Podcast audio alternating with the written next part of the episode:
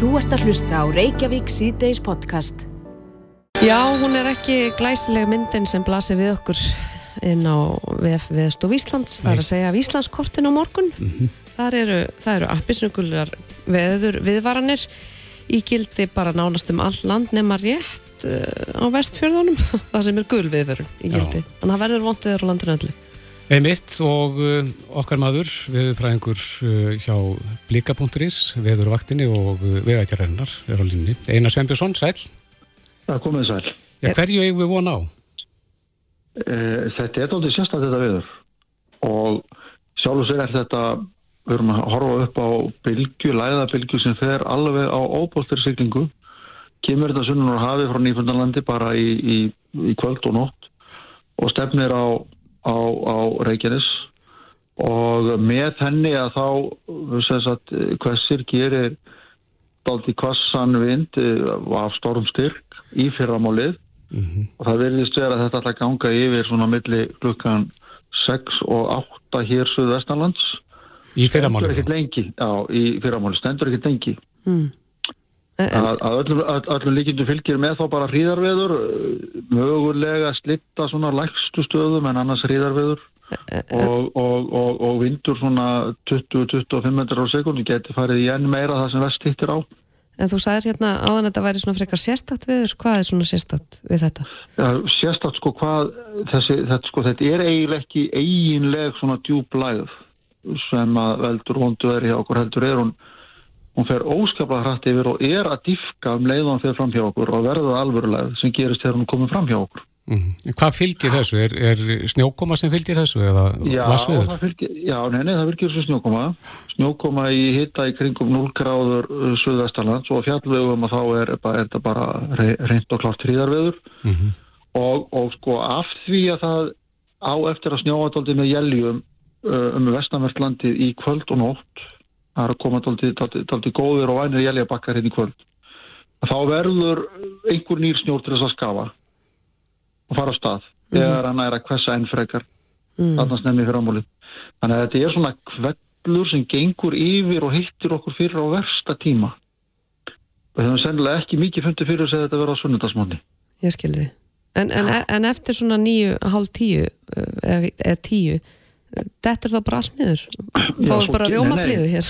Nei, nei, alls ekki. En svo, sko, bakkin gengur hérna, eh, þessi skilabakki gengur hratt austur yfir landið og hann verður bara fókin hérna út af bara upp á hátegi út af austurlandi mm.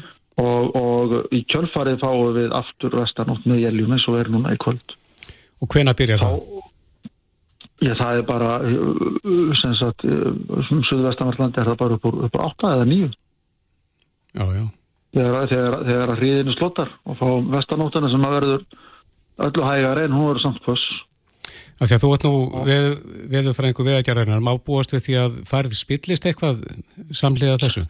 Það má alveg, það má, við getum alveg eh, ímynda okkur það að það geti alveg gerst sko og sérstaklega verður svo blind að mann sjá ekki neitt Já. en það skefur líka og, og hérna maður setur spurningamarki til dæmis við uh, færiðin austur, austur fyrir fjall í fyrramáli hvort að hérna ég veit að gera náttúrulega að setja á þessu stegum út tilkynna það eftir á svona ymsa vegi mm -hmm.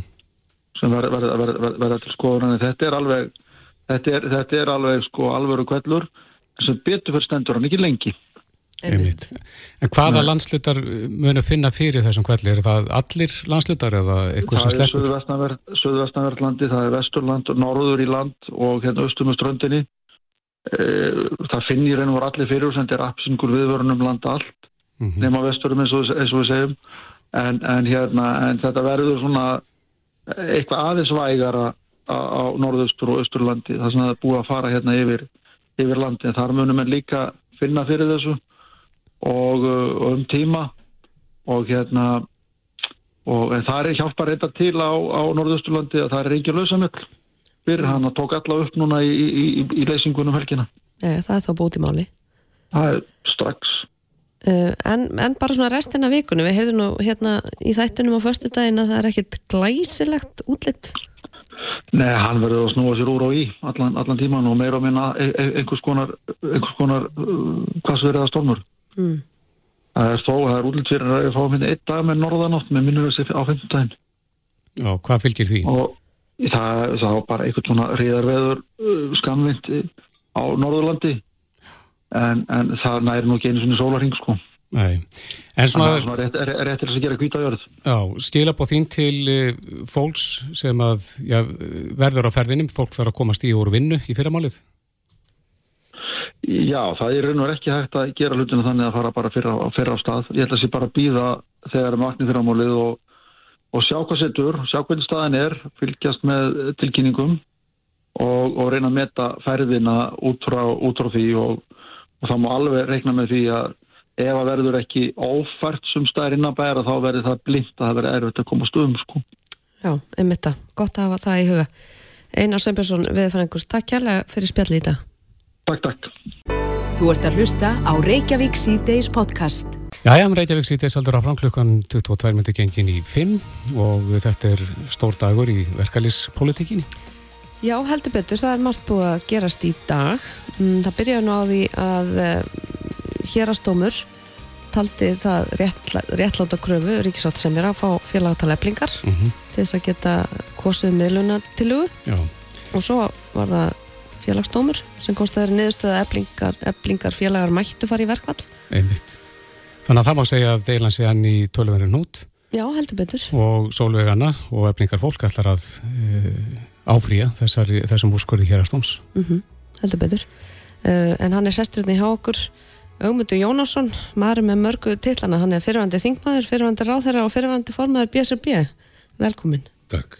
Um, vilt þú lesa eitthvað í þessa stöðu sem er komin upp? Uh, er, þetta er söguleg, þetta er söguleg atbyrðar á sig, svo má segja. Já, þetta er hérna flókin atbyrðarás, það eru mörg mál í gangi í senn, Eh, það er deilt um það hvort að ég að aðfenda félagaskrá og við vorum að fá niðurstöðu þar sem verður áfríjað af hálfu eflingar hermaður.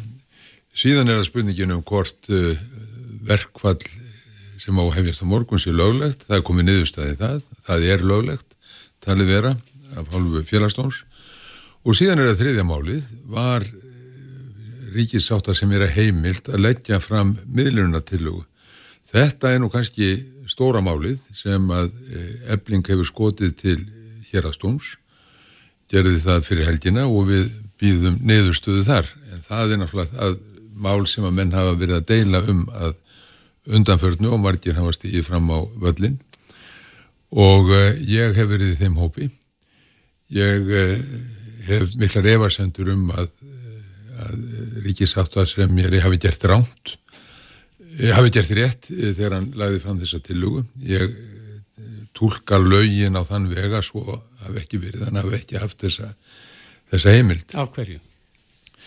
Já, ég lærði að lesa svona um sjóra aldur mm -hmm. Og hef verið að lesa þessi lög sem eru frá 1978, lög um uh, stjættafjölu og vinnudölur og gerðar breytingar á þessum lögum svona í tímans rás. En í þessum lögum að þá er fjallað um uh, skilirið þess að ríkisáta sem verið geti lagt fram, uh, fram uh, sína tilugur. Það segir hér í 20. og 7. grein er að ber að ráðgast við samninganemdir aðila áður hann ber fram miðluna tilugur. Mm -hmm. Eftir því sem að ég les í fjölmiðlum og heyri yfirlýsingar forsvarsmanna eblingar þá hefur, uh, þá hefur hann ekki, þá hefur ríkis uh, sátta sem er ekki fullnægt þessari laga skildu. En hvað þýðir að ráðgast við? Er það bara tilkynna aðlum innihald tilugunar eða? Það hefði ég haldið ekki. Ég, ég, mín, mín málvitund segir mér að ráðgast við einhvern sé að setja sniður og uh, heyra sagt, sjónar með gagnaðil eða gagnaðilans þá mm -hmm. í þessu, þessu málum og gagnaðilana að heyra þeirra sjónami það hef, skil ég svo að hafi ekki verið gert þar með er þessu laga ákvæði ekki fullnægt nú í annan stað þá segir í næstu grein 28. grein þar segir og það er fjallan þessi skilirði líka þar segir í djelið að samningar hafi verið lausir um tíma þannig að samningsaðilum hafi gefist kostur á að þrýsta á um kröfur sínar. Nú hefa, hefa samninga verið lausir frá því höst í, í november mm -hmm. e, þannig að þeir hafa verið lausir um sinn en hefur samningsaðilum e, gefist kostur á að þrýsta á um kröfur sínar. Er ég, það nokkuð hægt nema með verkvöldum þá eða? Ég hefði haldið ekki. Ef ég segi við þig og ykkur, e, ég er með of lálaun, ég get ekki framfleitt mér eða þeir sem ég er að semja fyrir mm -hmm. er, er, þannig er ástætt hjá þeim og þið, þið segið, við getum svona þessum hlutur við e, já, það, ég ætla ekki að hlusta á þetta. Þetta er bara, þetta er bara hérna, ég, ég er ekki tilbúin að koma til móts við þínar kröfur eða eitthvað kröfur. E, hef ég þá þrist á um að mitt mál nái fram að ganga? Nei, það er náttúrulega ekki. Ég hef sagt hverja mína kröfur eru. Þú vilt ekki verða við þeim og þá ákveði ég að þrýsta á og hvert er, hver er, hver, hvert er mitt vopn í því eða hver er mín leið í því. Það er með því að leggja niður vinnu og, og, og hefja verkvall þannig að það hefur ekki hafist verkvall það hefur ekkit verið þrýsta á. Eflingu hefur ekki gefist eh, færi á að þrýsta á um sínar kröfur.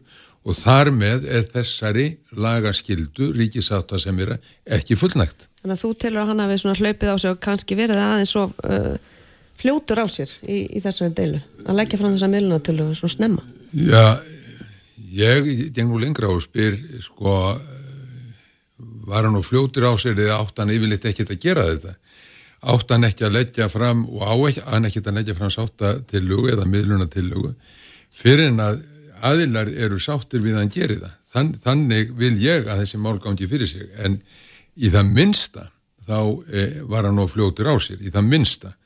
En ég tel að hann eigi yfirleitt ekki að leggja fram e, sáttatillugu, miðlunatillugu að þessu e, á, á þennan hátt nefn að hafa rækilega rætt við málsaðila og deiluaðila. En, en svona í ljósi sögunar því að þetta er ekki fyrsta sinn sem að ríkisátt var sem er að leggja fram miðlunatillugu?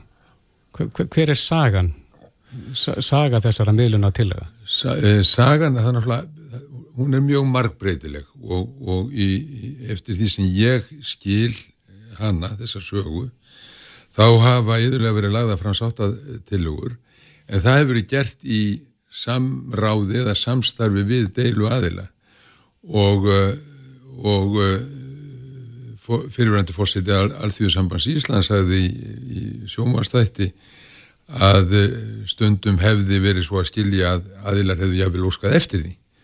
Þannig að það er allur gangur á þessu. En þarna þarf að vera eh, sátt um, um, um, um þetta ferli, þarf að vera sátt. Þetta á ekki að vera lögþvingun á þennan átt og alls ekki að fara fram með þeim hættir sem gert var núna að leggja fram þessa miðlunar tillögu áður en eblingu gefst kostur á að þrýsta á um gröfur sínar eins og skýrtir hverðið á um í lögum að hún hefði rétt til að gera. En þá veldi maður fyrir sig núna um, þessi deila var nú aldeilis í hnút áður en þessi atbörðarás fór öll í gang. Hvað gerist þá núna? Þó við fáum niðurstöri þessum uh, þreymur dómsmálum þá losnar hnúturinn ekkert. Nei, þá er bara einn að leysa hnútin og við leysum ekkert hnútin nema við bætum kjör fólks sem er með innan við 400.000 krónur í mánaðateitjur innan við 400.000 krónur í mánaðateitjur og þessi hnútur hann verður ekkit leistur fyrir en að kjör þessa fólks verða stór bætt. Það er það sem á að gera. Eh, Haldur Benjamin Þorbergsson, frangotastjóri í samtaka Atunlýfsins er á línunni, kom til sæl. Já, komið sæl. Já, svona uh, þín viðbröð við fréttum dags. Halló. Heyrðu í okkur? Já, ég heyri núna. Já, þín viðbröð við þessum fréttum í dag uh, og þessum úrskurðin sem hafa fallið? Já, kannski aðalatri er úrskurðin sem fjett núna um eitt leiti í hérastómi þar sem eflingu er eða málsamkvæmt gert skilt að afhenda ríkisátt sem er að atkvæðaskrá til þess að hann geti látið fara fram atkvæðagreyslu um miðluna til hug. Ég hins vegar gerir fastlega ráð fyrir því að það verði ekki innföld leið fyrir ríksátt sem er að, að fá það aðhend. En það hefur fórust eflingar nú þegar lísti yfir ofnbarlega að þau munu ekki hlýta þessum dómi og munu komið vekk fyrir að ríksátt sem er geti nálgast aukvögg sem að hann á að fá aðfengt frá efningu samkvæmt dómsúrskóri. Þau ætla að áfriða dóminum, það er sjálfsög mannirtind ef á að gera það? Já, áhugavert þau er en áfriðin hefur engin áhrif á á, á þessa framvindu. Þar að segja frestar, frestar ekki réttar áhrifum dómsins. Þannig að ríkisáttur sem er í mun vantarlega annarkort síður í dag eða strax í fyrramáli um, það var samband við efningu og byggja um þessi kvöld mm. og þetta er ótrúlegt að við stöndum fram með fyrir því að stjættafélag á Íslandi sé ekki að hlýta miðurstöðu hérastóms það er eins og það er samt gaturlýsins er ekki aðeila þessum máli en ég gerir bara ráð fyrir því að ríkisvaldið unni knýja á um aðfendingu þessara gagna já, með þeim leiðum sem að já, þau eiga fær per í sunni. Já, en svo er það hinn úrskurðurinn og það er að, að verkfallsbúðunin var lögleg Hvað segir um því? Já, hún er ekki ólögumætt. Það var niðurstæða dómsins. Mm -hmm. Við erum tökum eftir því að dómarinn er klófin í herðar niður. Það eru fimm dómarar í félagsdómi. Þrýr þeirra telja að bóðuninn sé ekki ólögumætt en tveir dómarar af fimm telja eins og þeirra svo sé þannig að þetta fellur á minnsta mögulega mun. Mm -hmm. Það sem er kannski áhugavert við þetta er að ebling með því að koma í vekk fyrir að aðfenda aðkvæðaskrána til ríkisvöldasemjara er í raun að hagnast á fyrir að viðhalda ólögmætu ástandi. Þannig að þess að dómurinn sem fjall í morgun kl. 1 segir að þetta verði og beri að aðfenda þess aðkvæðaskrá en félagsdómur eða þrýr dómarar af fimm koma samt að þeirri niðurstöðu að verkvallið sé ekki ólögmætt og það eru okkur mikil vambrið og mér finnst að ganga gegn svona grunnskilningi okkar á því hvernig réttlæti og réttar ríkið eigi að virka. Mm -hmm. Þannig að verkvall eh, hefjast á morgun. Já, verkvall á Íslandshótölum og Fossótölum hefjast í háttegin á morgun. Mm -hmm. Og, og um er að ræða úttímabunna vinnustöðun, en ég hef lótið hafa eftir mér og endur það. Ég gerir nú ekki ráð fyrir að þetta verði mjög laung verkvallstrýna. Það sem að ríkisóta sem er í hefur ímistæki og tól til að knýja á um aðkvæða meðluna til þjóna. Mm -hmm. Og það lítur að skipta miklu máli upp og trúverðileika ennbættisins að hann nýti þau tól til fullnustu. En þú hefur líka látið hafa eftir að samtöku aðtunlífsins segir nú nokkur verkværi í bókahortinu þegar kemur að verkvöldum. Já, já, kannski fyrst og fremst þetta Íslandshótel og Fossa til að var nýtt núna í samstarfið samtöku aðtunlífsins tíma til þess að undirbúa í raun bara þessi verkvöld og hvernig þetta er að bregðast til þeim. Til skamstíma hafa það eiginlega engin áhrif. Það er svona til meðalangstíma farið að hafa talsverð áhrif. Samtöku aðtunlífsins hafa eðlumál sangvært stíði framfyrir skjöldu. Og ég falla líst því yfir að vinnudegjarsjóður samtaka aðtunulífsins muni bæta Íslasóttilum það tjón, það fjárhákstjón sem að uh, hótelin verða fyrir vegna þessa verkfalls. Og rétt í þessu uh, eða síður í dag muni senda áskorun til efningar þess efnis að fresta bóðum verkfallum og tiltek þar auðvitað sérstaklega ef að verkfallin komið til framkvæmda og síðan verði þau stöðu þegar að miðluna til að fyrir í atkvæðagreyslu á meðinu sambyggatinnlýsins sækja fjörbætur til eflingar vegna þess skada sem þau hafa valdið. Þannig að það eru margar líkjur á þessari leið og eflust einhverju dagar þannig til að henni líkur. Já. Haldur Benjamin Þorbergsson, frangotastjóri samtaka atnarlýsins, kæra þakki fyrir þetta. Já, takk fyrir, bless, bless. Bless, bless. Já.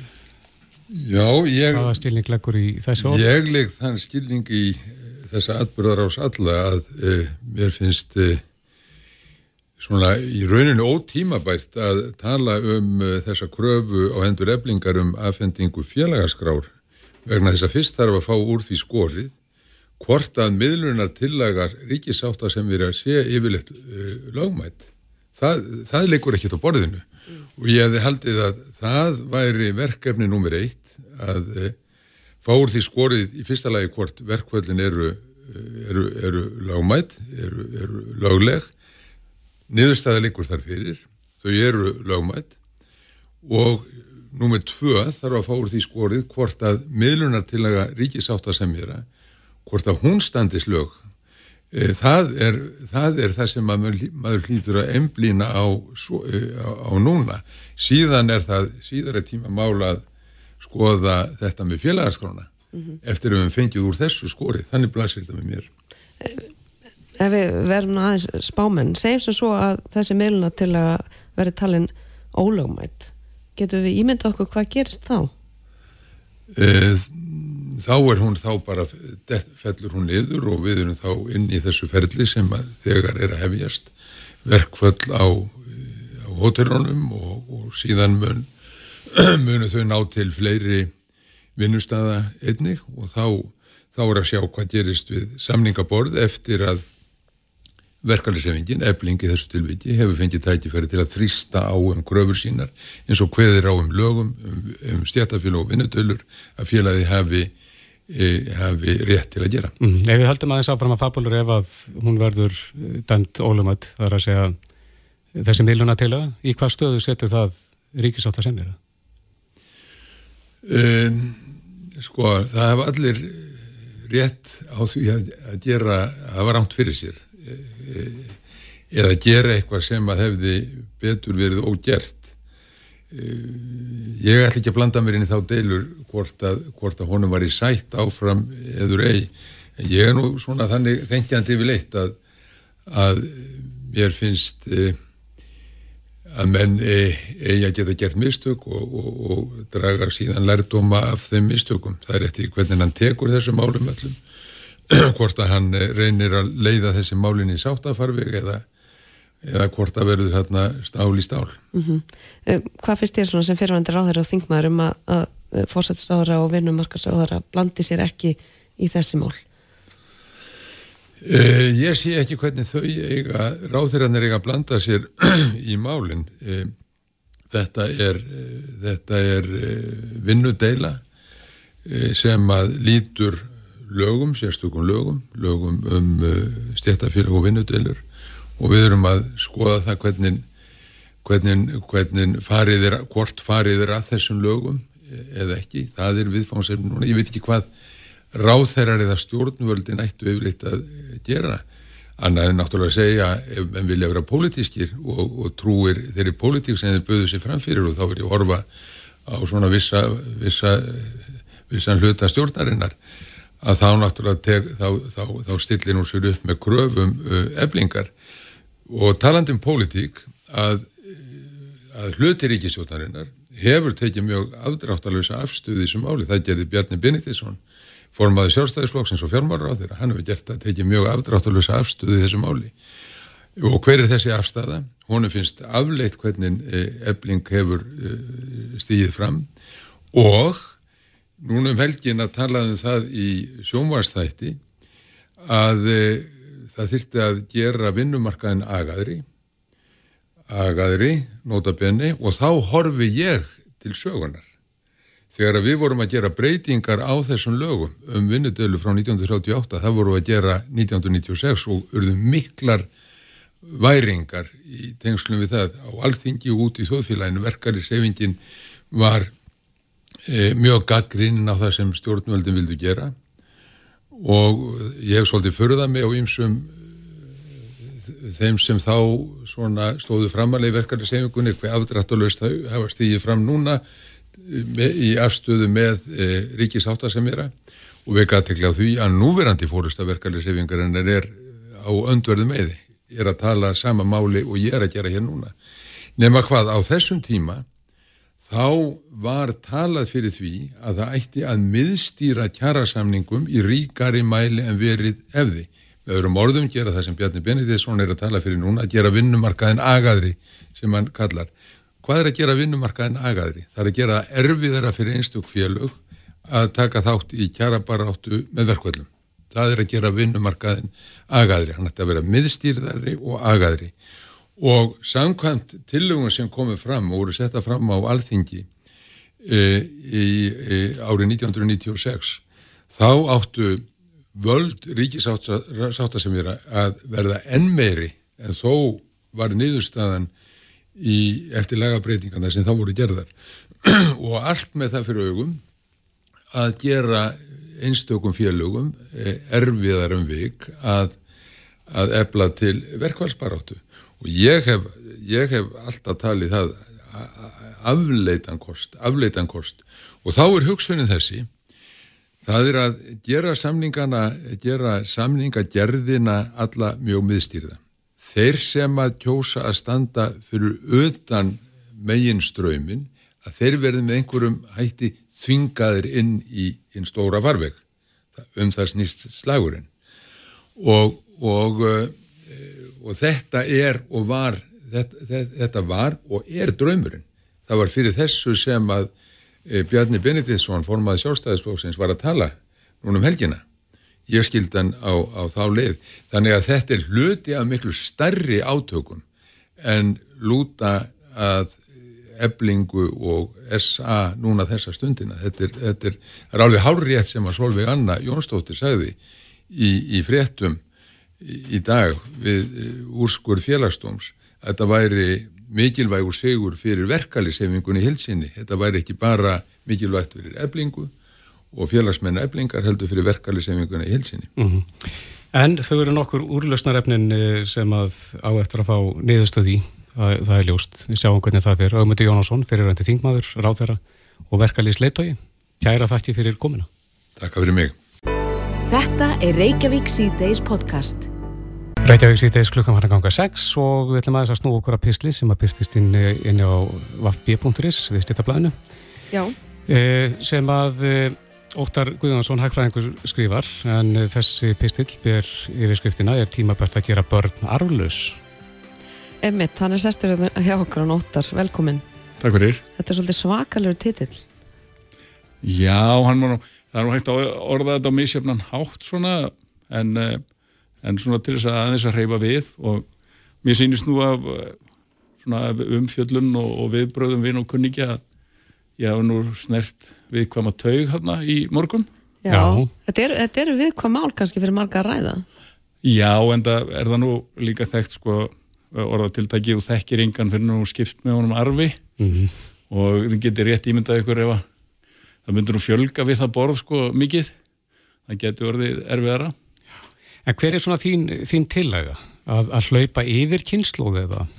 Sko og það er hægt að útferða þetta mjög mismunandi hátt sko samkvæmt lögum uh, þá uh, má uh, má maður sko arfleiða hvert sem er mm -hmm. að þriðjungi eignar sínar mm -hmm uh, ef maður á erfingja ef maður á hérna börn eða barnabörn eða barnabarnabörn eða ef maður á eitthvað svo leiðis eða, eða kjör, kjörbörn eða eitthvað svo leiðis mm -hmm. þá má einhverju hérna ráðstafa einu þriðja ef maður á ekki slikt þá getur maður ráðstafa öllu eins og að skemmtilegu dómur um kattavinnafélag í, í blöndúsi kona á blöndúsi sem er aðraliti kattavinnafélag öllum eigum sínum en uh, ef þú átt börn eða barnabörn og þá, hérna, þá máttu engungur ástafa einum þriðja.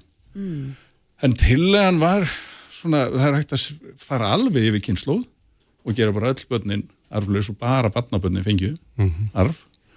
E, það væri nú sennilega freka drastíst og myndir nú sennilega ekki hljóta samþykju hvorki allþingin ég kannski í samfélaginu. En rökin þín fyrir því eru hver að, að ef að það er þið gert? Rökin er helst er að sko, fólk er að lifa miklu lengur ég las mjög áhugaverða bók uh, um, sem heitir The Hundred Year Life þar sem er fullist að fólk sem er að fæðast í dag getur vænst, það er semst börn sem fæðast í dag eh, geta vænst þess að verða 105 eh, ára eh, helmingunum þeirra mm -hmm. helmingunum verður 105 ára það þýðir að sko, þegar það fólk er þá eru börnið þeirra orðin 70 sko. mm -hmm. og hafa vonandi ekki neitt rosalega mikið við arfa að gera sko þannig að þá er það frekar barnaböndið þeirra sem hefðu gagnaði. Það er líka það sem hreyfir, hreyfir við mér. Mér finnst oft halla unga fólkið í landinu. Mm -hmm. það er mikið talað um sko, hag eldri borgara og berjast fyrir hag eldri borgara. Mér finnst minna talað um að berjast fyrir unga fólkinu sem er að koma fyrir sér fótunum, kaupa rándýrar e, íbúðir e, af eldra fólkinu. Mm -hmm.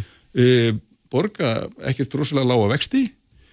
Stundum verðtreykt eða óverðtreykt í hækkandi vöxtum og svo er unga fólki situr það eftir í launum líka mm -hmm. mér finnst þetta bara ekkert alveg aðeinslega sangjant sko þó, þó, þó að ég sé orðin eh, fullorðin sko og er njótandi þessu, þessu ósangjantni sko mm -hmm. þá finnst mér þetta bara ósangjant og vil, vil svona það einleið væri að segja heyrðu sleppum einni kynsloð uh, í arfi allavega hluta dögum helmingin Ég, ég velti fyrir mér hvort þú sérst að búa til enn frekar rifrildu um arfin.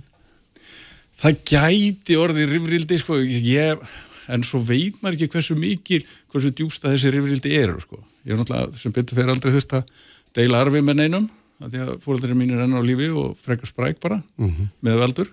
þannig að hérna e, það, þetta er oft held ég að deiluna séu um sko einhverju lítlar þetta málverk eða þennan stól eða einhver svo leisfrekar heldur en kannski stóru myndina sko. Já, tilfinningatengt Já En, en, en það, það er ekkert langt síðan við, við tókum viðtal við Tryggva Pálsson sem að hvati fólk til þess að bara nota peningarna sína og í rauninni erfa afkomundur sínar að, að freka litlu. Já, gera það arflaus. Já, nánast.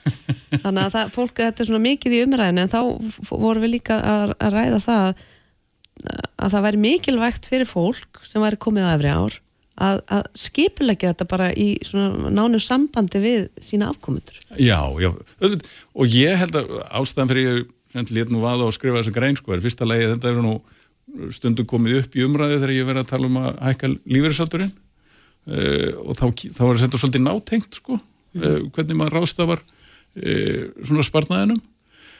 En, en ég, það er mjög algengt að, að, að börn börni segja við fólkdur sína, heyrðu, notið þetta bara sjálf og njótið og en það er ekkit endur að vísta að fólk vilja það neitt sérstaklega sko, vera að fara í heimsreysu sem kostar rosa mikið og og jú, jú, eru skemmtilegar en, en það er kannski skemmtilegar að hjálpa barnaböndunum eða gera einhverja skemmtilegar byggja upp eða hjálpa þeim með í útborgunni íbúð og, og einhver slíka hluti sko. mm -hmm. og það er náttúrulega tölvist frelsi til þess að gera svo leiði sko, mm -hmm. í mhm. núvarandi lögum en, það þýrst að breyta lögum ef að þessi til að verið ofan á Já, til, ef að við vildum breyta þannig að sko, þeir verður löglegir erfingjar mm að barnaböndunir verður löglegir er, erfingjar þá þýrst að breyta lögum, já, já. Ég mála til með að stjóta þetta inn í að því að við spurðum einmitt um arfin e, í konun inn á vísi.is e, um miðjan november síðastlegin. Það sem við spurðum hefur ágreiningur um arf komið upp í þinni fjölskyldu og 34,4% svara spurningun í átandi. Mm -hmm. Einna hvernig þremur, eftir umlega þannig að... Já þannig að þetta kannski myndi bara auka á þessu íllindi. Það er spurning. En þetta er, en rökin eru sem sagt þau að unga fólkið er að reyna að koma undir sér fótonum. Já, og það er náttúrulega, sko, að því að nú er fólk að lifa til áttarætt að meðaltali, svumir töluvert lengur, e, sem betur fer, og e, það er, þá eru flest börnin og erfingjarnir orðni 50, mm -hmm. Svona meðaltali, mm -hmm. og sem betur fer er það nú þannig að sko stór hluti að 50 fólki er búið að koma sér svona sæmilega undir sér fótunum og, og þarf ekkert neitt sérstaklega mikið á arfinum að halda sko. og með grunar að þeir börnabotni njóti nú sko einið í end en, mm. en, en spurning bara að gera þetta með formlegum hætti, ég held að það geti verið allavega einna með þessu virði að kanna hvort að, hvort að sé sé stemning í þinginu fyrir, fyrir hérna svona upp að koma. Já, en það þarf ekki að breyta lögum eins og segir ef að, ef að fólk myndi eh, þá nota eitt þriðja. Já, fólk getur alltaf rást að einu þriðja. Mælur það með því að fólk gerir það? Já, ég, ef það, sérstaklega ef það á umtalsverðaregnir þá mm. hugsi, setjast niður og hugsi vil ég ráðstafa einu þriðja einhvers þar annars þar heldur en bara til barnana minna. Mm -hmm. vil, ég, vil ég að það fari ekkert annað og, og bara tækja hugsununa útkoman getur vel verið að sé bara nei, ég vil það ekki neitt. En það er allavega eh, það er allavega heimilt samkvæmt lögum. Og mjög margi sem að vilja að það sé meira frelsi í þessu. Og myndi vilja að það væri kannski helmingur sem að mætti ráðstafa með beinum, beinum hætti sko, að vilja, vilja eins látna. Sem segja bara, fólk á ráðu sem bara alveg. Ég var að mynda að velta fyrir mig hvort þessi lög var almennt ekki bara frekar stíf. Og þau eru frekar stíf. Og er, þau eru frekar ferkantuð. En það er rosalega gott að lög séu ferkantuð vegna þess að það er kannski ætti þá að minga deilur um hvernig þið eru nákvæmlega sko. mm -hmm. En hefur þið fengið eh, mikil viðbröð við þessum pisli? Já, ég er svona óvinni mikið sko, fólk hefur nú yfirleitt ekkert óbúslegan áhuga ég skrifa sko, því að ég er svo ferkandar og skrifum svona tiltrúlega leðalega hluti sko, svona jarbundna þannig að jú, ég fengi alveg bara sæmileg við, tölur viðbröð og, og, jákvæð sko, Já. fólk verður að senda mér sem ég þekki ekki neitt bara takk fyrir að nefna þetta og vonandi verður þetta því að mm. við hjónin höfum nú verið að hugsa um þessa hluti og núna, mér finnst það bara mjög skemmtilegt sko. Þetta er nú væntalega eitthvað sem við þurfum flest að velta fyrir okkur Já, við þurfum það náttúrulega ekkert sko en ekki fyrir enn fóröldrandi deg og þurfum að skoða hvernig við ætlum að ganga frá eftir þau sko en, en, en það er bara eðlilegt að hugsa um þessa hluti ef að fólk á eignir, fólk á kannski skuldlist hús orðið og, og einhverjur eignir Að, og þá ferða að hugsa um þessa hlutu og það, það er mjög algengt að fólk hugsi um erðir, sérstaklega ef það býr í óskiptu búi mm -hmm. og hafa áhyggjur ég, ég er að eigða arfinum ykkar þið áttu arf eftir móður ykkar eða föður ykkar og ég er að eigða því í mig og ég á ekki verið að gera það og, og svo frammeins þetta getur verið bara ekkert notalegt fyrir fólk að vera með þessa hugsanir. Þannig að Já, fólk getur lesið þennan pistilinni á vaff.is Óttar Guðjónsson, hægfræðingur, kæra þætti fyrir komuna. Takk fyrir. Þetta er Reykjavík C-Days podcast. Já, við lásum í dag um kólsvarta skýslu um fiskeldi, skýslu sem ríkisendurskóandi uh, gerði uh, eftir beðni frá matalaráðar mm -hmm. og þessi skýsla var kynnt í stjórnskipunar eftirleitsnefnd í morgun. Og það má segja að það sé já, vægt tróðar tekið að segja að þetta sé kólsvart skýsla og það er sko 23 ábyrningar um hvað mætti betur fara í þessari þessari grein. Já, nú formaður stjórnskipunar eftirlýstnefndar eh, Þóran Sérbendatóttir er komið til okkar, velkomin. Takk. Já, tekur undir það, er þetta kólsvart stísla um fiskaldið?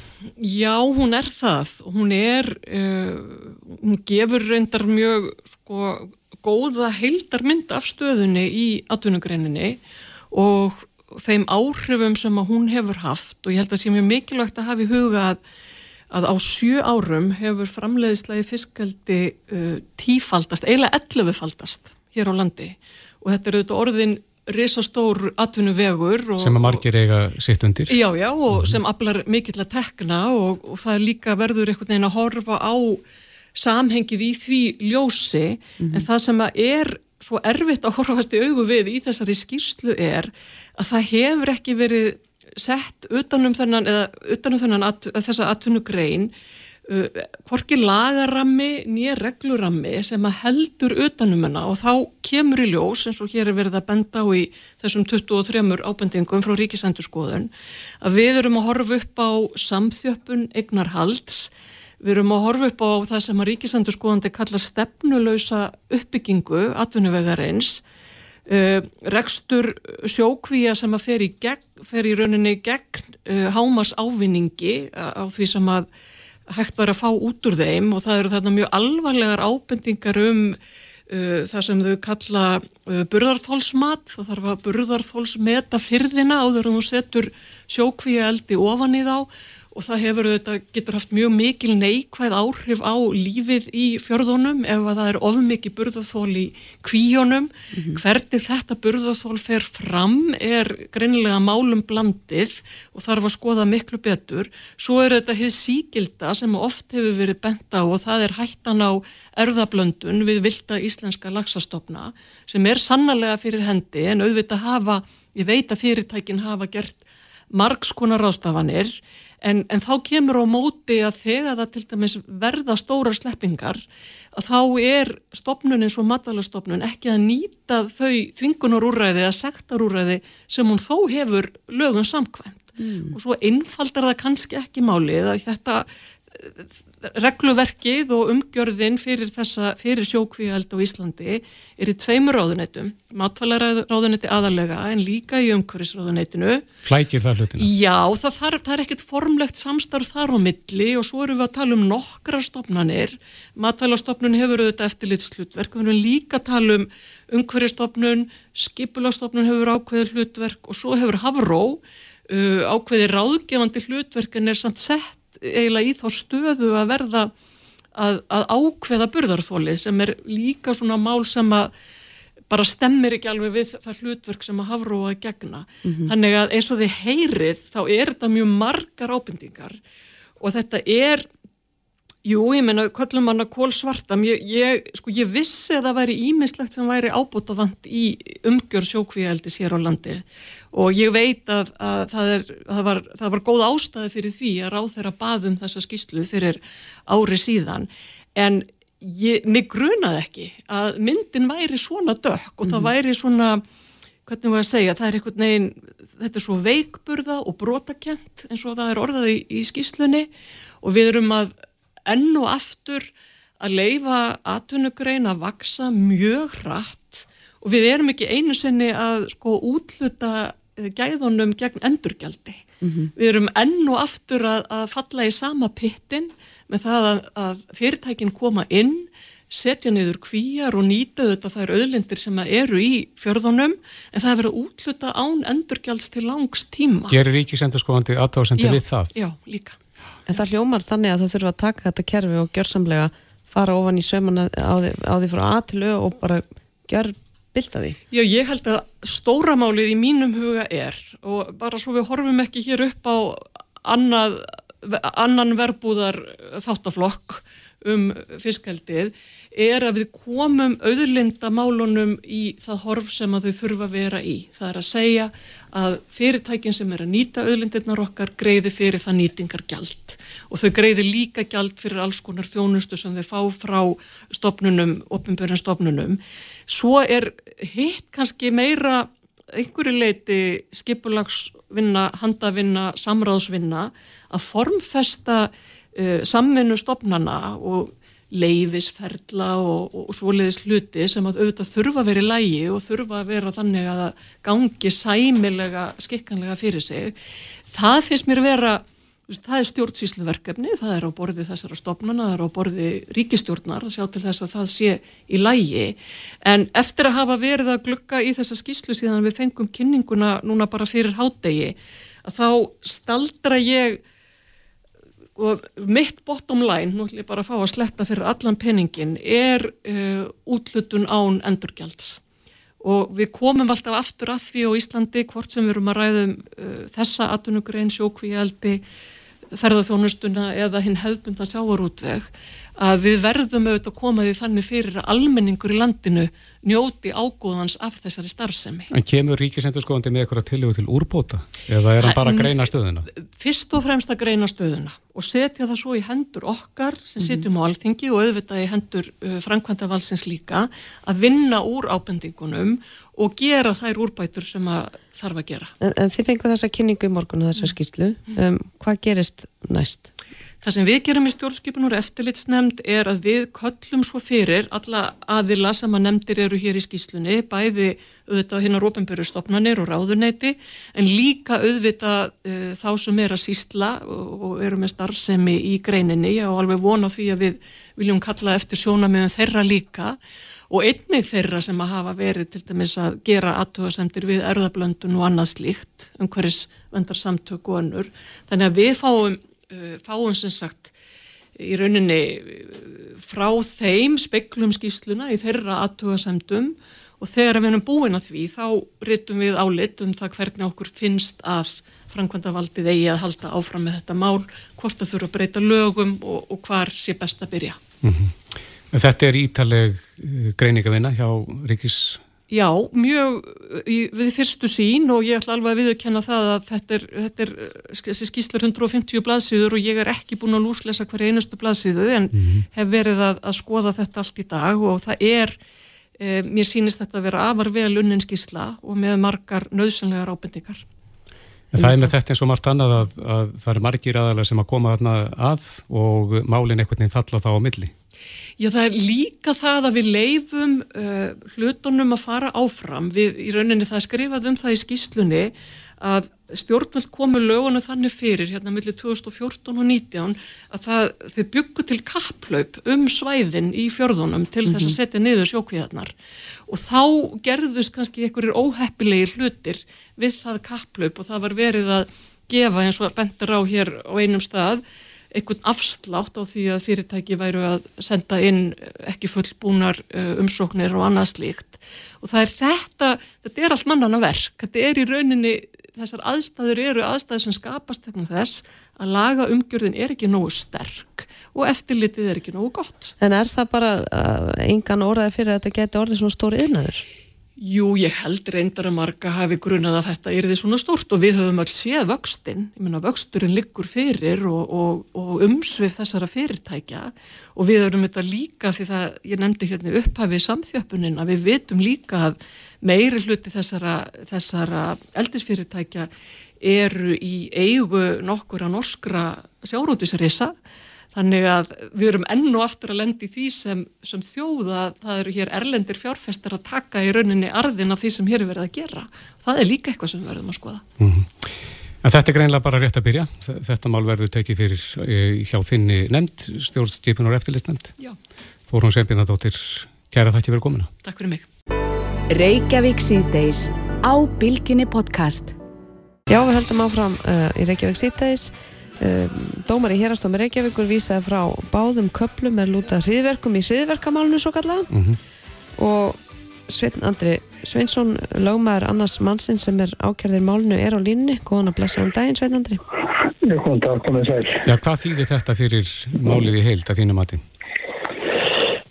Já, það fer hún svo sem eftir framhaldinu. Ef, ef, ef staðan helst svona óbreykt og þetta er niðurstaðan, þá þýðir það að, að á málsmeðferðin heldur áfram, þá bara um, um þessar ákjærulegið sem eftir standa sem eru vopnarlega brotin. Mm -hmm. En ja, boltina hjá kjörvaldinu, þeir, þeir geta þá fyrsta lagi getur þeir kæft þennan úrsku til landsettar og þá er, hefur landsettur loku orðinu um það. Telur líkur á því?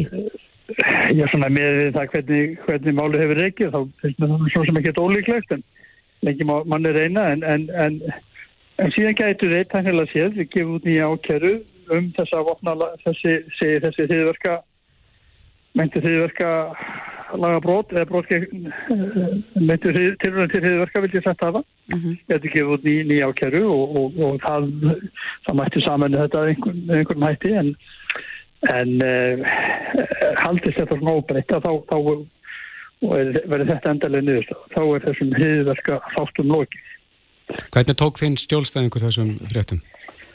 Hann bara fagnaði þessu og ég var náttúrulega sem búin að undirsninga með þetta þetta væri líklega niðurstaða svona með því hvernig, hvernig málflutningur gekk um daginn og, og hérna, jú þannig að hann er bara mjög sáttur réttlæti það, það segir að lókunastar En hvernig er þessi frávísinu raukstutt?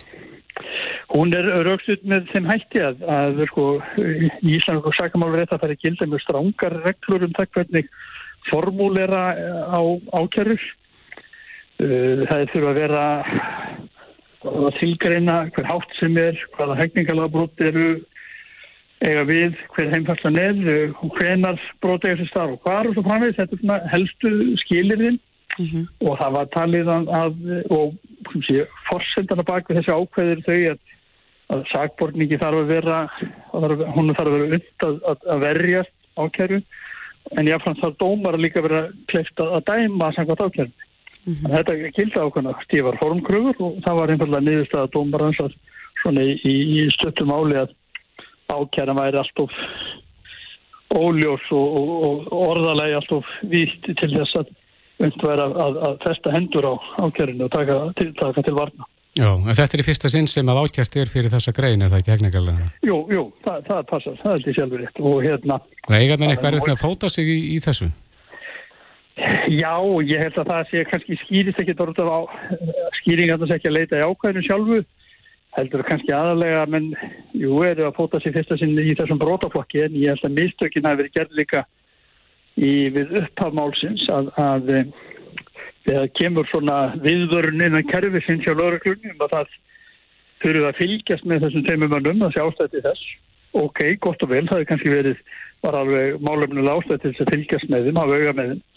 En hins vegar bara strax dægin eftir að þessi viðvörunni gefur út að þá er þetta handteknum og ekki nómið það eftir einhverja sólarhingsar ansók eftir handtökunna þá, þá, þá er haldinn bláðmannaföndum að látum. Þannig að það er svona þannig eru tvö mjög aftur að vera ekki mistök sem eru, eru kjært en mistök.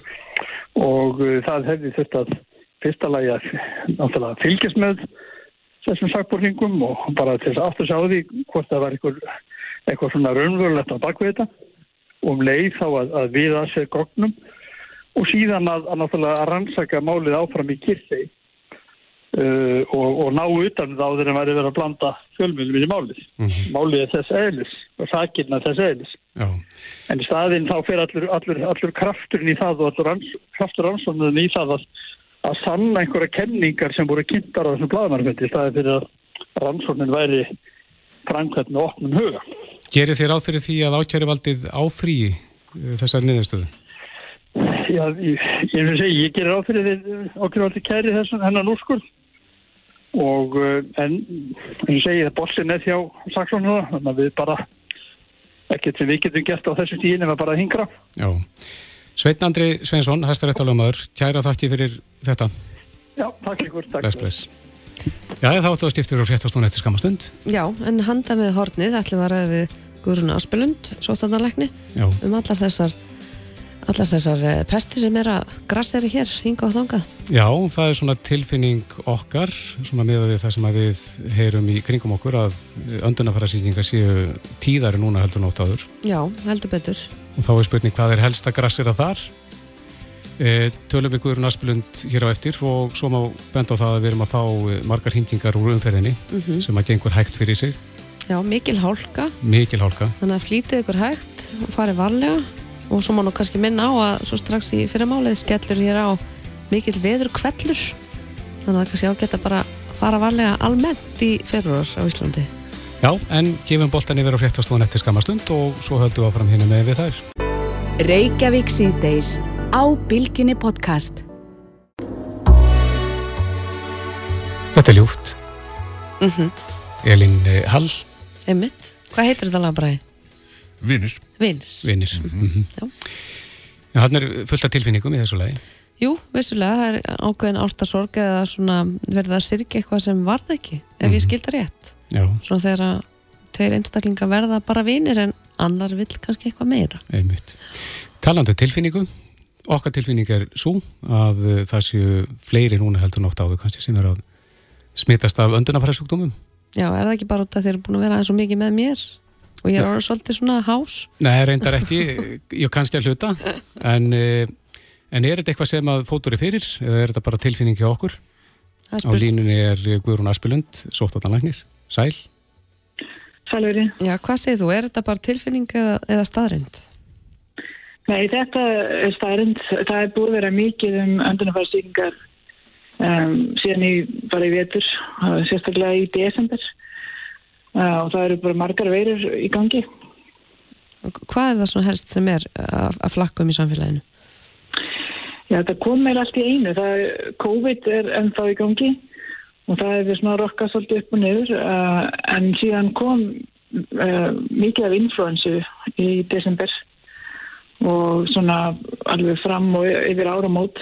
Það hefur nú verið að fara niður núna sem betur fyrr en það kom þarna hansi skarpur toppur miklu fyrir en vennilega og náði hansi hátt um, grein tilfelli um, síðan var RS veira sem að lagst nú mikið á börn en líka eldra fólk. Mm -hmm. og þetta kom alltaf á sama tíma á samt bara öðrum veirum sem verður oft í gangi vetturna uh, öðrum hver veirum uh, eins og það sem kallaði rínoveirur og öðrar kórnuveirur enduroveirur og fyrir utan þetta að það var líka hann í desember svona aðra testir. Já, en er þetta eins og maður heyrir eh, eitthvað uppsapnað? Það er að segja, eru fleiri að sítjast núna vegna þess að færri síktust hér á síðustu árum? Já, það er náttúrulega eitthvað til í því. Ég held sko að það getur verið að því að eh, það var minna um margar síkingar á COVID-tímanum og, og þá mikið út af þessum sóttarnaðakerfum sem voru í gangi mm -hmm. og það barst til dæmis eitt árið engin influensa hinga uh, þannig að það má segja að sé fleiri næmari núna uh, í samfélaginu heldur en kannski almennt því að fólk fær ákveða úna við að fá smitt og það helst kannski yfir á næsta ár. En nú eru kannski mjög margi sem hafa ekki fengið uh, síkingar og þannig það er svona einn spekul sem það getur átt átt í þessu. Þannig að ónæmiskerfið er úr æfingu fyrir ekki það Nei, ég segði ekki sjóður æfingu, en það bara hefur ekki ónæmi gegn þessum veirum sem eru koma vennilega á þessum tíma. Mm. En gerði það ekki, kannski undir fann tvö ára eins og vennilega.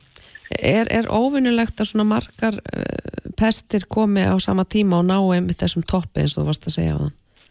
Það, já, það var óvinnulegt að influensan til dæmis kom svona snemma. Hún kemur vennilega setna. Uh, hún byrja svona koma í desember og fyrir svona frekar hægt upp. Hún er kannski toppi setna árinu eða sko á, á influensa árinu sem segja. Mm -hmm. þannig hún næri toppi kannski februar hefur margt. En núna náðu hann að háum toppi bara í, í desember og hún kom eitthvað fyrr. Þannig að faraldrininu kom svona nokkur vikum á undan svona vennilega minstri mm -hmm.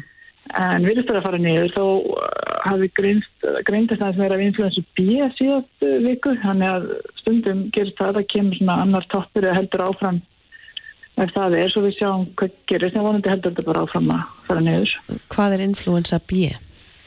Influensa er svona, svona aðal stopnæmið eru tveir, A og B. Og það greinist nöður mest af stopni A. En það er oftast báðir í gangi og það hefur verið þessum eh, influensu vetri líka. En svo voru hlutastlega fleiri B í síðustu viku og þar áður. Um, þannig að það er svona brannar stopp sem getur síðan þá náðu að koma sér kannski á flug eitthvað áfram um, trekan að haldi bara áfram að fara byggt neyður þannig að við þurfum aðeins að sjá til með það Já. Er meira en það núna en oft áður að fólk sé að veikjast af lúnabolgu?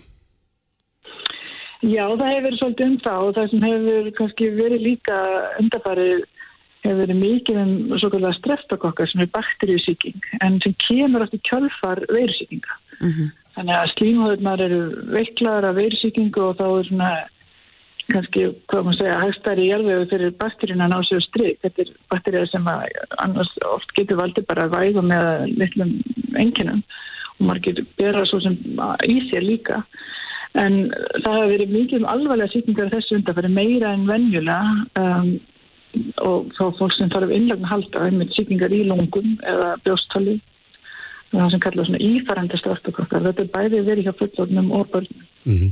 En það fara stað alls konar sögursagnur og vangaveltur þegar að svona frétti berast að það sem eirum sýkingar og sögum vilja tengja þetta við e, bóluefnin er, er vísendarsamfélagi eitthvað að skoða það? Það er ekki yfir sín neinn tengsl við síkingar þannig að bólefnin valdi síkingum eða síkingum er sér eitthvað tilkomnar vegna nótkuna á bólefnum. Nei. Síður en svo að bólefnin uh, verja gegn veirusíkingum og verja þá líka gegn þessum bakterísíkingum sem geta komið í kjölfar veirusíkinga. Mm -hmm. uh, þannig að uh, ég held að það sé eitthvað misklingur.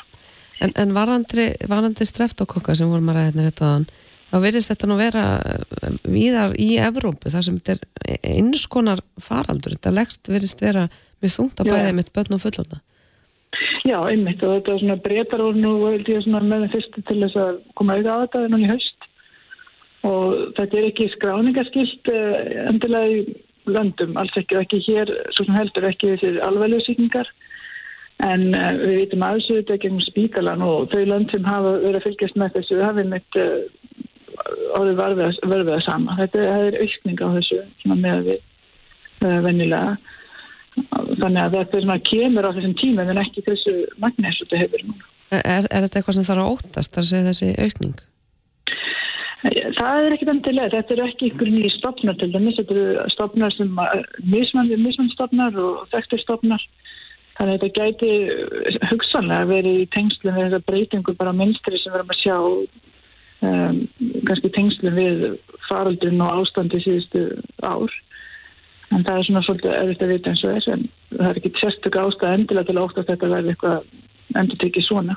Nei, en þið eruð að bólusetti það ekki gegn eh, COVID en þá er, er ekki einhverjur að fá fymtisbröðuna sína þessa dagana? Jú, við erum ennþá að gera það og erum að mæla með því sérstaklega fyrir eldra fólk og ónámiðspælda þeir sem erum að undirlegjandi átþætti Þetta er ennþá í gangi og, og þannig að okkur fyrir ástæði þess að fólk fái örfum sem er í aukinni áhættu. Því það er að sína vel fram á það að það dregur úr líkum á alveglega veikindum og andlatum að, að vera bólusettur en það þarf þess að örfum til. Það, það er ekki ná að hafa bara lokið eh, bólusetningu fyrir eh, kannski árið síðan. Nei. Það ringdi maður í símatíma til okkar hér fyrir dag og hvart andan því að hún finnst spritt brúsatni vera að hverfa, uh, sérstaklega verslunum. Uh, mælir þú með því að, að verslunni bjóði áfram upp á slíka sótvarnir? Já, ég mæli nú með því og, og það út af öllum þessum sýtningum sem eru og hafa verið í gangi. Þetta dögar náttúrulega við meira en COVID því að algengast að leiðin fyrir þessi smita berast eru í vissilega gegnum öndunafæri en líka með snertingu. Þannig að uh, mér er ástæðið þess að halda því áfram svona á þessu tíanbilið þegar þetta er allt í gangi. Já, en við þurfum líka að vera móttækilega það ekki til þess að mynda ónæmis svar til að halda kjærfinu gangandi og, og kjærfinu í æfingu. Já, það er nú ekki mest með því að vera viljandi að fá síkingar til þess. Nei. Eh, Það er alveg nóg í gangi og, og nóg sem kemur til þess að, að kerfið sé gott. Það, það þarf ekki sérstaklega að útsetja sig, alls ekki. Ég mælu nú móti því. Já. Þannig að mér finnst enda ástæð til að fólk getur bara að fara varlega og, og hérna hauga þessum sótturna sem við höfum oft mynd á. Einmitt. Guðrún Aspelund, sóttvarnalæknir, kæra þætti fyrir þetta og gangi ykkur vel. Já, takk sem leiðis. Hlustaðu hvena sem er á Reykjavík C-Days podcast.